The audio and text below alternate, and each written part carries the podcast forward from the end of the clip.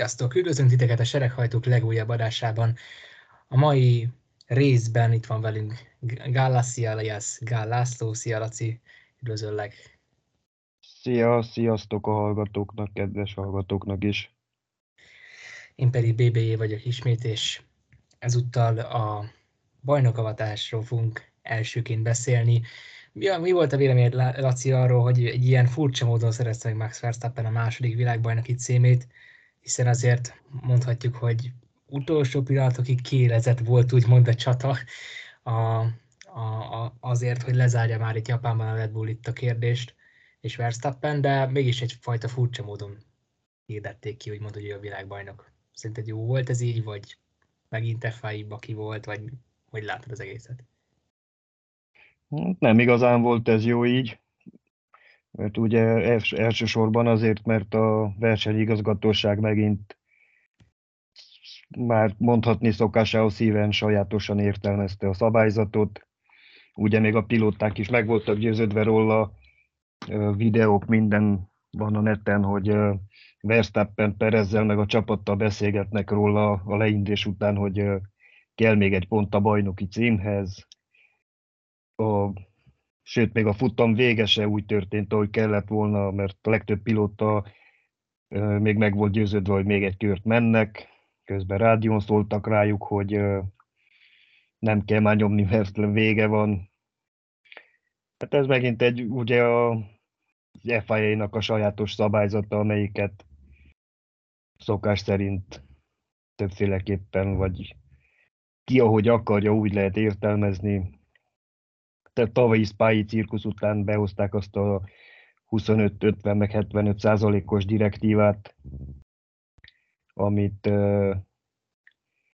pont az ilyen eseteket, mint ami történt tavaly Spában, próbáltak megelőzni ezzel, hát nem sikerült, mert mint ugye kiderült, végül is jogosan adtak teljes pontokat erre a futamra, mert ez az ilyen, az ilyen történés, ami itt volt, nincs, megszab, nincs szabályozva. Mert ugye azok az ők direktívájuk arról szól, hogy a piros zászló a félbeszakított, de az újra nem indított futamokra vonatkozik az ezt újraindították, de be se fejezték, és ezek alapján mégis teljes pontokat adtak. Igen, abszolút nagyon furcsa ez az FIA szabálykönyv, mindig kb. újra kell írni, minden évben van egy olyan esemény, ami miatt ki kell foldozni, foldozni az egészet, úgyhogy ez tényleg eléggé kabarészerű kívülről nézni, úgyhogy reméljük, hogy majd lesz változás ezek kapcsán, az esetek kapcsán is. Tényleg egy nagyon kaotikus játék volt így. De hát talán így volt izgalmas, kenjük most el ezt talán ezzel, hogy, hogy így volt különleges, így marad meg mindenki számára egy kicsit emlékezetesebben, mert azért ha belegondolunk például, nem vagyok benne biztos, hogy annyira sokan emlékeznek arra, hogy Fettel lett világbajnok mondjuk 2011-ben, ugye kétszeres világbajnok, mint sem így talán kicsit jobban megmarad az embereknek majd, hogy hogyan lett Verstappen másodszoros világbajnok. Egyébként a pályán úgy nézett ki, hogy teljesen megérdemelten, na de hétfőn érkezett a friss bejelentés a 2021-es pénzügyi jelentésről, amiben az FIA elmondta, hogy, hogy bizony a Red Bull túlköltekezett, és a Williamsnél is találtak egy kisebb fajta hibát, amit amit 25 ezer dollárra büntettek, ha jól emlékszem, de a Red Bull kapcsán még nem jött ki az ítélet, hogy mi lesz a büntetés, mekkora pontosan a túlköltekezés, és mennyire befolyásolta ezt a, ez a fajta túl, túlköltekezés a teljesítményt. Ugye a Red Bull rögtön reagált rá, és bizonyos források szerint ők úgy vannak vele, hogy igazából ezt a plusz pénzt ők csak étkeztetésre költötték, és egyéb ö, versenyteljesítmény nem befolyásoló dolgokra. Úgyhogy hogy látod, Laci, mennyire van szaga ennek a dolognak, mennyire állunk közel egyfajta tényleges botrányhoz, mint talán a 2019-es Ferrari féle előrelépés volt? Hát azért ebből én nem hiszem, hogy különösebb botrány lenne. Elsősorban ez megint az FIA-nek köszönhető szerintem, mivel ugye ők kikötötték még, amikor bejött ez az új pénzügyi rendszer, hogy a leg, az első évben egy 5%-os amolyan hibahatárt még elfogadnak. Viszont én azt nem értem valahol, hogyha elfogadják az 5%-os hibahatárt, akkor miért van benne az, hogy de azért arra is fog járni egy kisebb büntetés, jó, ami mondjuk akár megrovás is lehet, majd vagy egy olyan háttér megállapodás, mint volt az az említett Ferrari ügyben. Hát megint azért bennem felvetődik az a kérdés, ami az egész a versenyszabályzatta, vagy technikai szabályzatta, vagy nevezzük, ahogy akarjuk is van, hogy mennyire egyértelmű az a szabály, az is mennyi, ez is mennyire értelmezhető. Melyik csapat hogy tudja értelmezni. Most én inkább azt látom ebben, hogy a Red Bullnak én úgy vélem nem azonáltal az esze, vagy nem arra gondoltak ők, hogy kimondottan szegik meg ezt a szabályt, lépjék át a határt úgy, hogy ők akarják, hanem itt, szerintem itt az volt, hogy egy sajátos elgondolásuk volt erről az egészről nekik. Vagy magyarul úgy értelmezték a szabályt, hogy nekik legyen jó. Én is utóbbit tartom talán kicsit valószínűbbnek, mert azért egy ilyen profi csapat, mint a Red Bull, amelyről tényleg hétről hétre látjuk, hogy az egyik, ha nem a leges, legjobban szerzett alakulata az, a Forma 1-nek, egy ilyen szabályt ennyire benézzen, azt szerintem nem túl reális. Persze én magam, azon a véle, én magam is azon a véleményem vagyok, hogy szerintem a sportágnak jót tenne, hogyha nem lennének újabb és újabb ilyen vádaskodások, és nem bizonyosodna be, hogy valaki tényleg csalt, hanem tényleg azért az alakulatok tiszta játszanának, nyilván gazdaság és, és hatalmas pénzek mozognak, így mindenki keresi a kiskapukat, hát meglátjuk, hogy majd tényleg mi lesz ennek a büntetése. Minden esetre... Hát olyan, ö, bocsánat, bocsi, hát szerintem olyan, olyan, olyan soha nem fogunk látni, hogy betartják a szabályokat. Ez ugyebár most legyünk őszinték, minden, főleg az élcsapatok minden egyes évben azon vannak, hogy hogy találják meg a kiskapukat, hogy játsszák át úgymond a szabályokat, hogy találjanak valamit, ami egy különleges megoldás lesz, és amiben a szabályzat sem nagyon tud belekötni. És ez valahol a nagyobb botrányok, mondjuk azok nem évente vannak, de minden egyes szezonban van legalább egy kisebb valami. És ez általában az is érdekes, hogy ez mindig úgy van, hogy az a csapat kerül mindig a reflektorfényben negatív irányba, amelyik nyer. A többiek pedig csak vádaskodnak. Na hát ez csak így az utolsó 10-15 szezonban visszamenve egy ideig a Red Bull ellen volt mindenki, mindig ő, őt, őket vádolták mindenféle hajlékony padlólemez, hajlékony szárnyak, mit tudom én mikkel. A, ők persze hallgattak, védték magukat, ennyi. Jött a Mercedes, jött a Mercedes éra, ugyanez volt, akkor a Mercedes támadták, ők védekeztek, volt a DAS, DAS ügy, ugye volt különböző hajlítható elemek a Mercedesnél is, aztán volt a Ferrari motorügy, a tavaly oda-vissza dobálózott egymásnak a Mercedes meg a Red Bull. Idén a, persze, idén a Red Bull van megint a szeren, úgymond. Ez mindig arról, örökkétig erről szólt a Forma egy. Mindenki keresi a kiskapukat, és mindig a, a, a győztes a győztest támadják, hogy minden, mindig az van, hogy csalnak, meg nem csalnak, vagy akármi. A, és a, a, az üldözők, azok mindig vádaskodnak, a nyertes az pedig mindig magyarázkodik. Hát így van, de szerintem a technikai sportoknál ez talán nem is egy annyira meglepő, valóban nagyon sok felé látunk ilyeneket. Hát hogy, a, form, a, form, a Forma egyben az biztos, hogy ez már a kultúra része. Igen, igen. Hát nem a legszebb szokás, de hát ez van sajnos.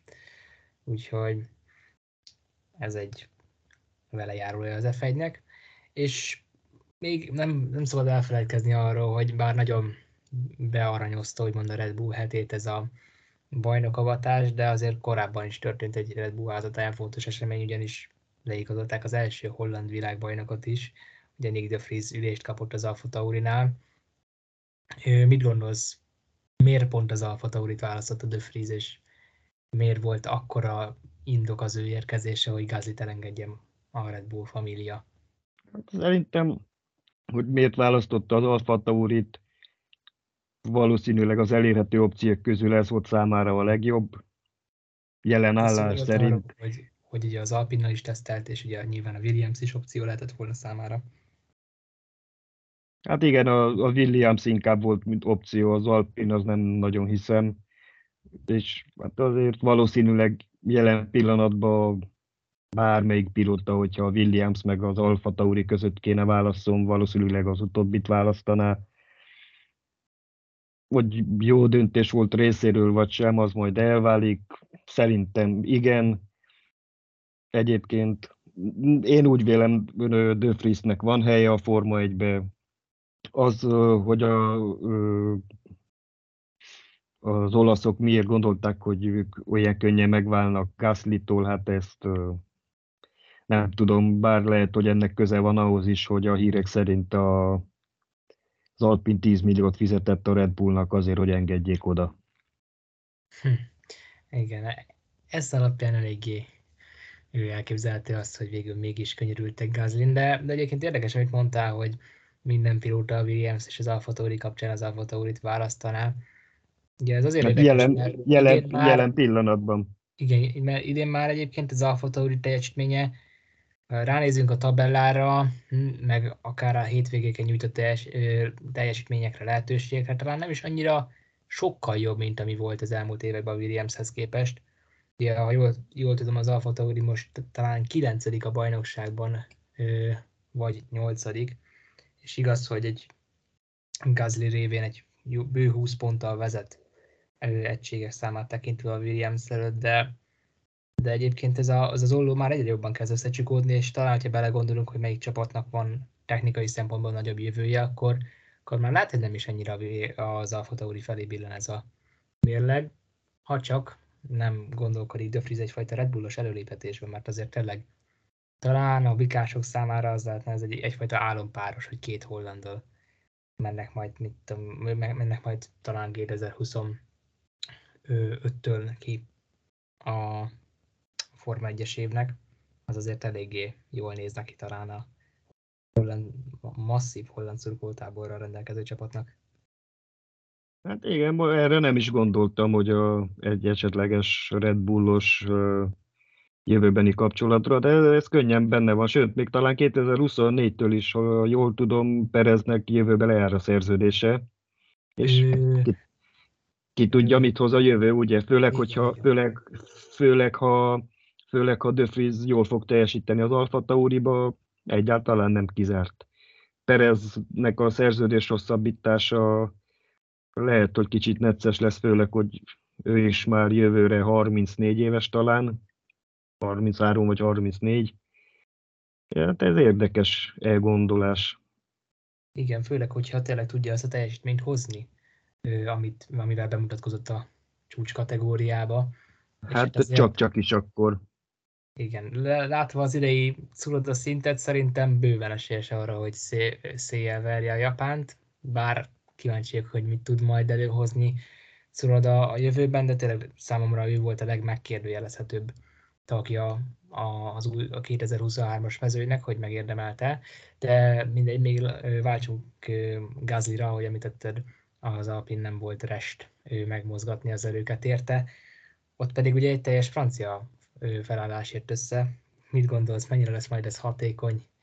Mennyit tudnak majd kihozni ebből a kalandból? Mert azért az Alpin, ha nem a pilótákat nézik, hanem magát az autót, akkor nagyon-nagyon sokat lépett előre az elmúlt években, és tényleg most már ott van, hogy, hogy, hogy bebeelőzi a Mercedes-t is, és tényleg egyre közelebb és közelebb egerészi magát a dobogókhoz.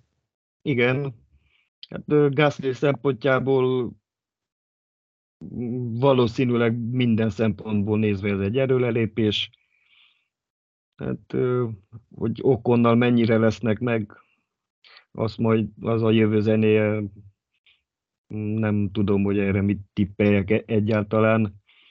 Ami biztos, hogy biztos, ez se biztos, de ugye vannak olyan plegykák, hogy nem, egyeztek, nem egyezik legjobban a két francia pilóta, hogy mennyi rég az én ezt nem tudom. Az biztos, hogy Gaslynak több esélye lesz még akár dobogós eredményeket is elérni az Alpinnal, mint az Alfa Taurival.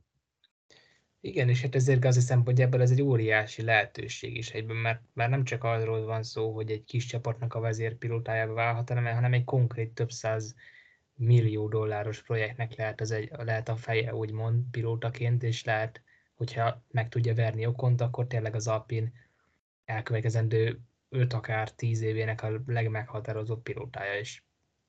És ahogy így van, így van. Az Alpin, benne van akár az is, hogy ebből az alakulatból egy néhány év múlva akár tényleg VB esélyes csapat is lehet, bár az átigazolások menedzselésében még nyilván hátulról, ö, hátulról nézik a mezőnyt, úgymond. Meglátjuk, hogy majd ezen a területen is mennyi tapasztalatot szereznek.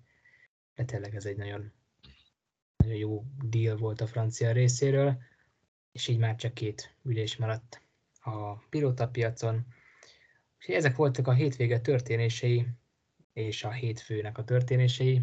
Továbbra is kíváncsian várjuk, hogy mi lesz majd a Red Bull szankció, és természetesen a maradék két hétben, még hátra van az amerikai nagydíj is, továbbra is a legfrissebb hírekről beszámolunk majd nektek Facebook oldalunkon és weboldalunkon is, hogy keresetek ott is bennünket, és továbbra is tartsatok az f és tartsatok velünk.